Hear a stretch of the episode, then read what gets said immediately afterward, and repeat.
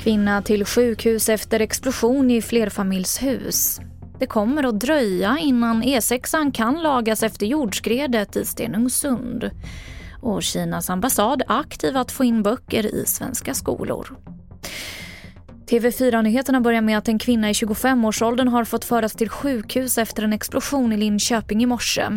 Enligt uppgifter till Ekot ska explosionen i Linköping vara kopplad till den pågående konflikten inom det kriminella nätverket Foxtrot. Ingen är gripen efter explosionen i ett bostadshus i Hässelby strand i västra Stockholm igår kväll.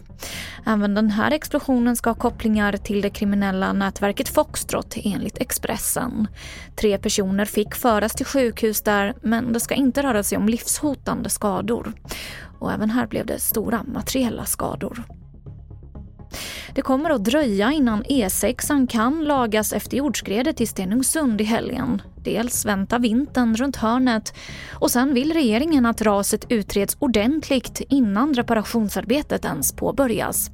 Vi har infrastrukturminister Andreas Karlsson. Ja, det är ett stort område som är påverkat och det kommer ju förstås påverka Trafikverkets möjlighet att rusta upp vägbanan. Det går inte bara att lägga en ny väg i detta område som har påverkats så kraftigt av det här skredet utan det behöver också klarläggas vad det var som orsakade skredet innan man kan eh, lägga ut vägen igen så att säga.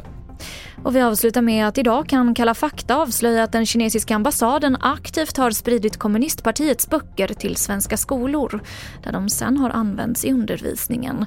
Böcker som har använts i modersmålsundervisningen har delats ut gratis och spridits vidare till skolor över hela landet.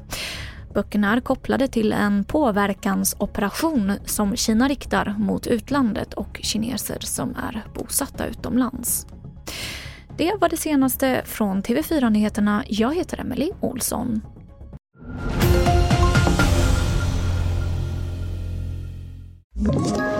Ett poddtips från Podplay.